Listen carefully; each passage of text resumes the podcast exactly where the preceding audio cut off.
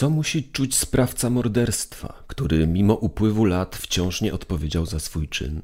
Który z dużym prawdopodobieństwem figuruje w pierwszym tomie akt, a jednak wie, że śledczym brakuje tego kluczowego dowodu. W sprawie, o której dziś opowiem, wiele na to wskazuje, czuje się bardzo swobodnie i bezkarnie. Zapraszam do województwa śląskiego.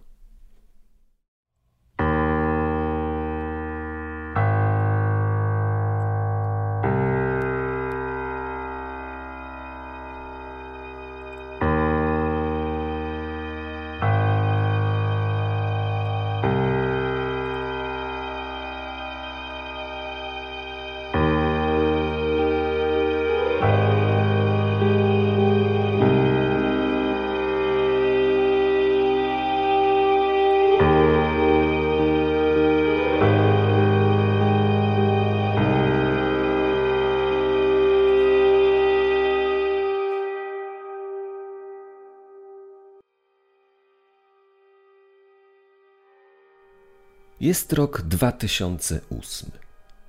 Ostatni kwartał. Prezydentem Polski od trzech lat jest Lech Kaczyński, a premierem od roku Donald Tusk. W Warszawie w pełni ukończona zostaje budowa pierwszej linii metra. Oddane do użytku zostają trzy ostatnie stacje na Bielanach: Stare Bielany, Wawrzyszew i Młociny, jako stacja końcowa. W Pile otwarte zostaje centrum handlowo-rozrywkowe Atrium Kasztanowa, a w Krakowie nowy gmach Opery Krakowskiej, a także tunel krakowskiego, tak zwanego szybkiego tramwaju. Tymczasem my jesteśmy w Częstochowie, trzynastym pod względem wielkości mieście Polski, tracącym właśnie pozycję dwunastą na rzecz Gdyni. Ale wciąż to duże, liczące 250 tysięcy mieszkańców miasto. Główny polski ośrodek kultu maryjnego, z bazyliką i klasztorem na Wapiennym Wzgórzu, nazwanym Jasną Górą, jako najważniejszym centrum pielgrzymkowym katolików w Polsce. Z czego Częstochowa niewątpliwie słynie najbardziej. Ale Częstochowa znana jest też kibicom sportowym. Włókniarz to czołowa drużyna żużlowa w polskiej ekstralidze. A wkrętmet Domek z AZS Częstochowa to aktualny wicemistrz Polski w siatkówce i triumfator Pucharu Polski rozpoczynający właśnie rywalizację w Lidze Mistrzów. Niewątpliwą wizytówką miasta jest też Aleja Najświętszej Maryi Panny, reprezentacyjna arteria komunikacyjna łącząca Stare Miasto, Śródmieście i dzielnicę podjasnogórską, pełniąca funkcje handlowe, usługowe, finansowe i kulturalne. Tu, w Częstochowie, w dzielnicy Ostatni Grosz, mieszka 22-letnia Kamila Wdowińska, z mamą Krystyną, starszą siostrą Jagodą i młodszym bratem Damianem. Kamila to atrakcyjna, radosna, tryskająca energią dziewczyna. Swoim entuzjazmem i pogodą ducha zaraża całe otoczenie, w którym przebywa. Jest towarzyska i lubiana. Lubi zabawę, ale i ma swoje codzienne obowiązki. Od trzech już lat, od ukończenia szkoły, zdania egzaminu i uzyskania tytułu czeladnika, pracuje jako fryzjerka w jednym z salonów fryzjerskich w centrum Częstochowy. Kamila to przebojowa dziewczyna, elegancka i zadbana. Moda to jej konik. Jest na bieżąco z trendami, szczególnie tymi, rzecz jasna, fryzjerskimi. Ma swoje wierne klientki, które cyklicznie odwiedzają ją w salonie, w którym pracuje przy ulicy Jana III Sobieskiego, na pograniczu Śródmieścia i dzielnicy Trzech Wieszczów.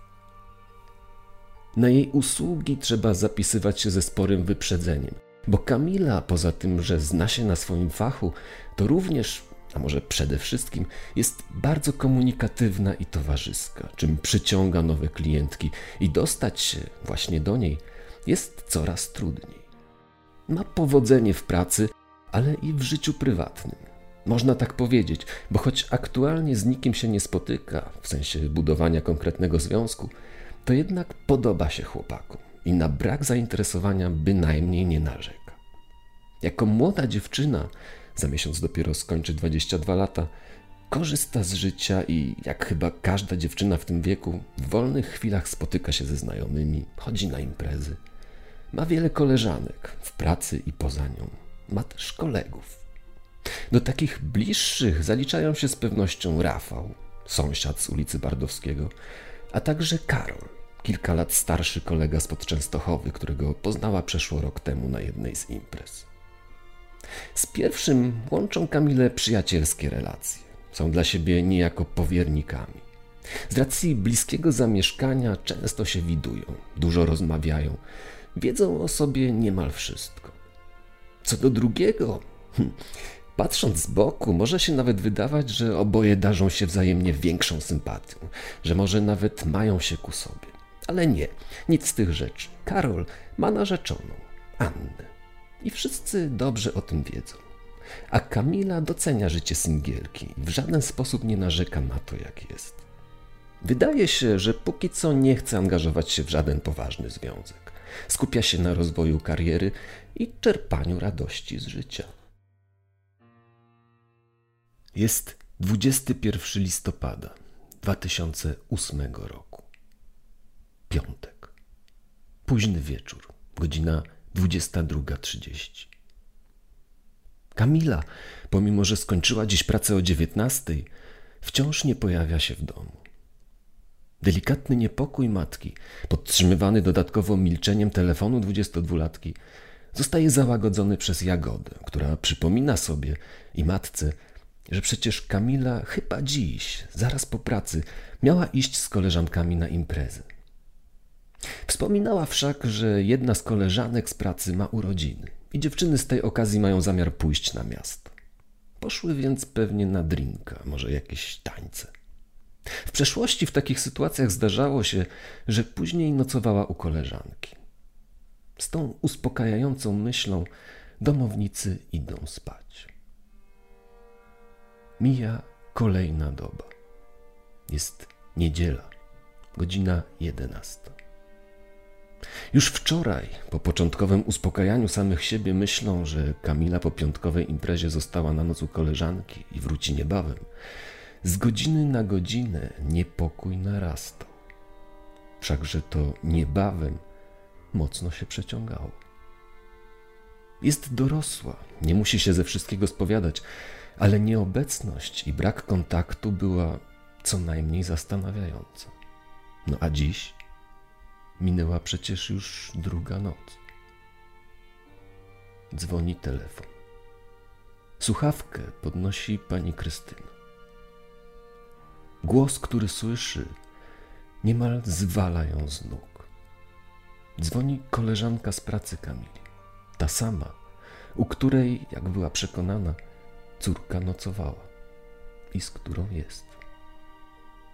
Koleżanka pyta spokojnie, czy jest Kamila bo od wczoraj nie może się z nią skontaktować.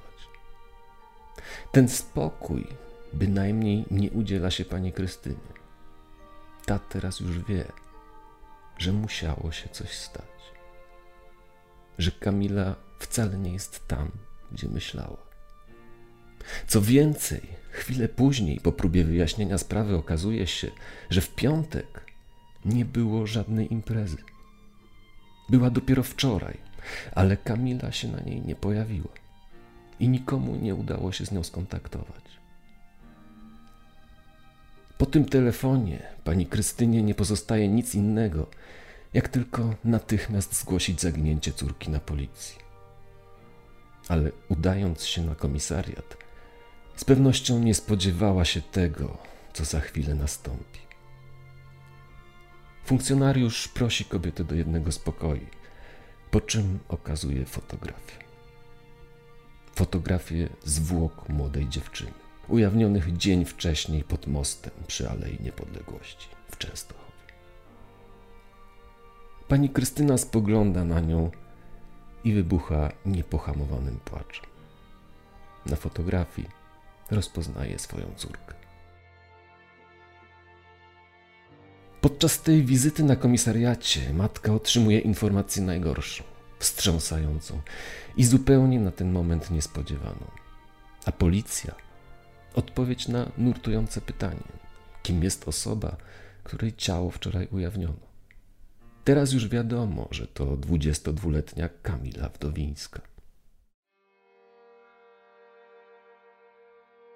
Na zwłoki natknął się przypadkowy przechodzień wczoraj, w sobotę, około godziny 14.40. Ciało leżało pod mostem w ciągu Alei Niepodległości, w wodzie, tuż przy brzegu płytkiej w tym miejscu rzeki Stradomki, głową w dół. Pomimo panującego zimna i sypiącego tego dnia drobnego śniegu, ciało pozbawione było odzienia wierzchniego, kurtki czy płaszcza. Nie było go też nigdzie w okolicy, podobnie jak torebki, telefonu czy dokumentów, które ułatwiłyby identyfikację zwłok. Na ciele ofiary widoczne były rany kłute. Nie ma wątpliwości, że młoda dziewczyna została zamordowana. Późniejsza sekcja zwłok wykaże łącznie siedem ciosów, najprawdopodobniej nożem, w kark, klatkę piersiową i okolice brzucha. Bezpośrednią przyczyną śmierci było jednak utonięcie. Sekcja nie wykaże urazów mogących sugerować upadek z dużej wysokości, z mostu, który to upadek potencjalnie mógł mieć w tym przypadku miejsce. Ale wykaże coś, o czym nie wiedzieli nawet najbliżsi ofiary, a co okaże się niemałym szokiem. Kamila była w szóstym miesiącu ciąży. Niemal dzień po dniu rodzina przyjmuje więc kolejne ciosy. Najpierw wieść o tragicznej śmierci krewnej w wyniku morderstwa, a teraz jeszcze to, że zamordowana była w ciąży w 26 tygodniu. Szok przeradza się w burzę myśli. Jagoda teraz już wie, że zmiana zachowania siostry w ostatnim czasie nie była tylko jej mylnym wrażeniem, a miała solidne podstawy. Matka z kolei przypomina sobie, że jakiś czas temu Kamila wróciła z pracy bardzo zapłakana, wręcz szlochająca, nie dająca się uspokoić. Zamknęła się w pokoju. Nie chciała rozmawiać o przyczynach takich emocji. Dla śledczych zapis sekcji i pierwsze przesłuchania członków rodziny stanowią niebagatelną wskazówkę w drodze do wykrycia sprawcy. Fakt ciąży, ukrywania jej przed światem, a nade wszystko umiejscowienie ran w obrębie brzucha sugerują wyraźnie, że sprawcą mordu może być ojciec dziecka, który z jakichś powodów bardzo nie chciał, aby przyszło ono na świat. Przesłuchania znajomych ofiary, w szczególności koleżanek z pracy, szybko pozwalają ustalić, że ojcem nienarodzonego dziecka jest znany nam już 26-letni Karol L. Karol ma narzeczoną. Wspólnie czynią przygotowania do ślubu. Z pewnością nie na rękę było mu dziecko na boku. Miał więc solidny motyw, aby pozbyć się może nie tyle Kamili, ale dziecka. Przesłuchiwany Karol nie zaprzecza, że miał romans z Kamilą. Nie zaprzecza też temu, że namawiał dziewczynę na usunięcie ciąży. Ale, jak twierdzi, ze zbrodnią nie ma nic wspólnego. A na swoje szczęście ma dowód na to, że w czasie, kiedy 22-latka zginęła, on przebywał w służbowej delegacji w Warszawie. Przeszło 200 kilometrów od Częstochowy. Potwierdza to pracodawca chłopaka.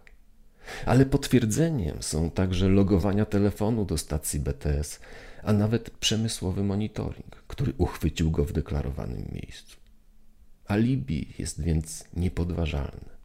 A zachowanie chłopaka, pomimo silnego motywu, nie wskazuje, by miał cokolwiek wspólnego ze śmiercią Kamili. To nakazuje niejako rozpocząć śledztwo na nowo i między innymi dokładnie przeanalizować ostatnie chwile życia 22-latki. Ustalono, że feralnego 21 listopada 2008 roku Kamila skończyła pracę w salonie przy ulicy Jana III Sobieskiego 74 punktualnie o godzinie 19. Tego dnia miała tak zwaną zmianę zamykającą. Zamknęła salon i kierowała się do domu. Teoretycznie miejsce pracy i dom Kamili dzielą dwa przystanki tramwajem. Wystarczy wsiąść do tramwaju na przystanku Dworzec PKS i przejeżdżając przez rondo Mickiewicza wysiąść na kolejnym po nim przystanku. Ostatni grosz. Stamtąd już tylko 10 minut piechotką wzdłuż ulicy Bur do celu, do domu. Ale chcąc iść na swój przystanek początkowy, dworzec PKS, Kamila musiałaby dojść do głównej ulicy, Alei Wolności, niejako się cofając i tracąc przy tym około 15 minut. Z tego też względu niemal zawsze wybiera drogę pieszą, na skrót. To niespełna 3 kilometry, maksymalnie 40 minut piechotką. Nie inaczej było tego dnia. Potwierdza to nagranie z monitoringu umieszczonego przy rondzie Adama Mickiewicza. Kamera uchwyciła idącą Kamilę o godzinie 19.18. To miejsce od miejsca znalezienia zwłok dzieli 800 metrów. Oznacza to, że z dużym prawdopodobieństwem atak nastąpił tuż przed 19.30. Napastnik zadał dziewczynie siedem ciosów nożem, po czym konającą, ale wciąż żyjącą, wrzucił do stradomki. Skradziono jasnobrązową skórzaną torebkę z zawartością, srebrne kolczyki, naszyjnik z zawieszką, pierścionek i białą pikowaną kurtkę do pasa, w którą dziewczyna była tego dnia ubrana. Wraz z torebką zniknęły dokumenty, telefon, maksymalnie kilkadziesiąt złotych w gotówce, klucze, w tym te do salonu fryzjerskiego, drobne przybory fryzjerskie i woda utleniona, która nazajutrz miała posłużyć Kamili do wykonania usługi dekoloryzacji w domu zaprzyjaźnionej klientki. Jeden ze świadków zeznał, że tego dnia, w piątek, około godziny 19.30, widział idącą wiaduktem, mostem nad rzeką Stradomką dziewczynę w białej kurtce. Przed mostem w tym samym czasie widział dwóch chyba kłócących się mężczyzn. Mocno gestykulowali. Przynajmniej jeden z nich był wyraźnie pijany. Tuż za nimi stał na światłach awaryjnych jakiś dostawczy samochód. W toku śledztwa ustalono, że Kamila feralnego dnia po pracy umówiona była z Rafałem, przyjacielem i jednocześnie sąsiadem. Wracając z pracy, dokładnie o godzinie 19.15, napisała do niego SMS-a z informacją, że już wyszła i niebawem u niego będzie. Rafał stał się tym samym jednym z głównych podejrzanych. Ale tylko przez chwilę, bo śledczych szybko zainteresowało coś innego, a mianowicie fakt, że Kamila miała silny konflikt z Anną, narzeczoną Karola. Ona wiedziała, że relacje łączące wdowińską z jej narzeczonym dalece wykraczają poza akceptowalne ramy. Między kobietami dochodziło do ostrej wymiany zdań, a w licznych SMS-ach Anny, słanych do Kamili, pozostał trwały ślad gruźb, niejednokrotnie wulgarnych, sugerujących, że jeśli ta, kolokwialnie mówiąc, nie odczepi się od Karola, może jej się stać coś złego. Z ironią ostrzegała, aby na siebie uważała. Ponadto Kamila otrzymywała głuche telefony. Próby oddzwaniania na dręczący ją numer nie przynosiły skutku, więc 22-latka poprosiła brata, Damiana, aby ten ze swojego telefonu spróbował się dodzwonić. Damian, połączywszy się z tajemniczym numerem, usłyszał po drugiej stronie męski głos. Jego właściciel dobrze wiedział, że rozmawia z bratem Kamili. Ostrzegł, że jeśli siostra nie będzie trzymała się z dala od ona wie kogo, pożałuje tego. Śledczy ustalili, że właścicielem numeru jest niejaki Piotr. Nie ma niespodzianki. To kolega Anny, którego ta poprosiła o przysługę. Ale głuche telefony to nie jedyna przysługa wykonywana przez Piotra na polecenie Anny, bo jak się okazuje, Kamila była też przez niego śledzona i z ukrycia fotografowana. W jakim finalnie celu? Nie udało się ustalić. Zarówno Anna, jak i Piotr na czas zbrodni mają alibi. Przebywali ze swoimi rodzinami. Bliscy ofiary są przekonani, że za śmierć ich krewnej odpowiedzialny jest ktoś z dwójki Anna Karol. Jeśli nie bezpośrednio, to przynajmniej pośrednio, zlecając zabójstwo. Kiedy już skupiają się wyłącznie na zdobyciu dowodu podważającego alibi, następuje nieoczekiwany zwrot w sprawie. Otóż 10 miesięcy po zbrodni, poproszony o pomoc Krzysztof Jackowski po swej wizji jako sprawcę tej niewyjaśnionej dotąd zbrodni na Kamili wskazuje konkubenta koleżanki Kamili. Mało tego, wskazuje, że osobnik ten ma na imię Norbert.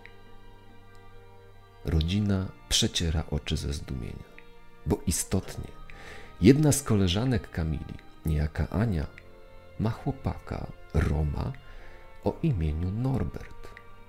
Co więcej, 22-letni Norbert B., który to od razu przyszedł im na myśl, jest na bakier z prawem. Wielokrotnie odpowiadał już za rozboje i pobicia. Mieszka w niedalekim sąsiedztwie wdowińskich, co również potencjalnie może stawiać go w kręgu podejrzanych. Rodzina dzieli się wizją Jackowskiego z policją, a ci postanawiają jej nie ignorować. Tym bardziej, że tak się akurat składa, Norbert jest zatrzymany w sprawie rozboju, jakiego dokonał w centrum miasta. Śledczy przesłuchują go więc i na tę okoliczność. A Norbert, ku niemałemu zdumieniu, przyznaje się do zbrodni. Zeznaje, że feralnego listopadowego wieczora 2008 roku, przemierzając bez większego celu miasto, dostrzegł samotnie idącą dziewczynę w białej kurtce z kapturem na głowie. Szedł za nią. Było ciemno, wszak to listopad, grubo po dziewiętnastej. Pomyślał, że samotnie idąca dziewczyna będzie łatwym celem. Chciał tylko ukraść jej torebkę. Kiedy jego ofiara przechodziła przez most, siłą zaciągnął ją z nasypu w dół. Wywiązała się szamotanina. Kamili spadł kaptur, albo go sama ściągnęła, i wówczas się zorientował, że zaatakował swoją znajomą. Oczywiście i on został rozpoznany. Wpadł w panikę. Wyjął nóż i bez większego namysłu zadał szereg ciosów. Po wszystkim zabrał torebkę, biżuterię, a leżącą dziewczynę zaciągnął kilka metrów dalej i wrzucił do rzeki. Za skradzione znajdujące się w torebce pieniądze kupił sobie kilka piw. Na tyle wystarczyło.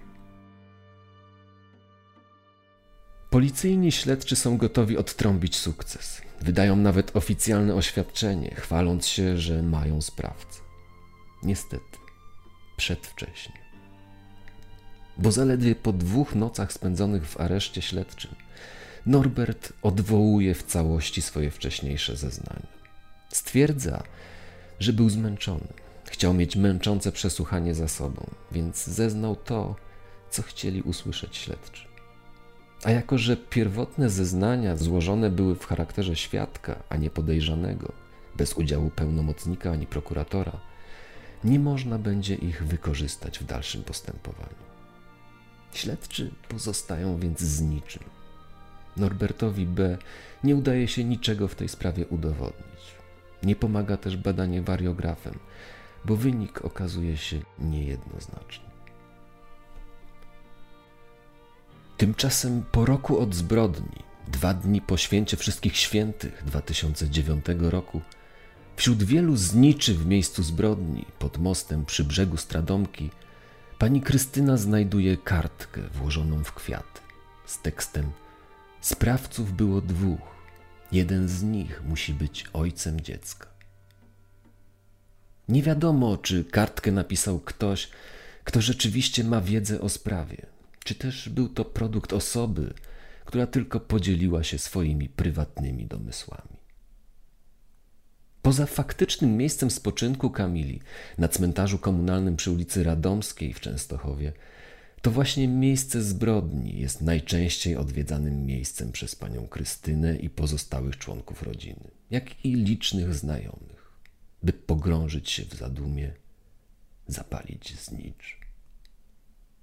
W 2013 roku, w listopadzie, dokładnie w piątą rocznicę śmierci Kamili, na moście, wiadukcie, przy którym dokonano mordu, powstał mural autorstwa znajomych zamordowanej z wizerunkiem Kamili. Jest na nim taka, jaka została przez bliskich zapamiętana. Uśmiechnięta, radosna, pełna życia.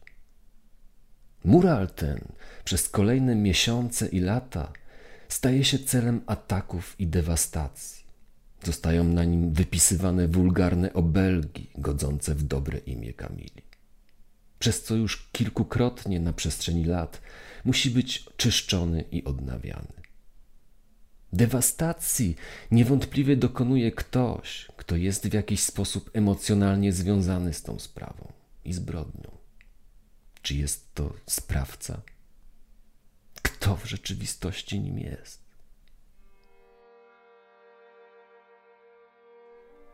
W styczniu 2017 roku sprawą zabójstwa Kamili Wdowińskiej, 7 lat po umorzeniu przez prokuraturę, na nowo zainteresowało się katowickie Archiwum X, wlewając tym samym w serca rodziny nadzieję na rozwiązanie zagadki i wreszcie doprowadzenie odpowiedzialnych za śmierć tak naprawdę dwójki osób przed oblicze sądu.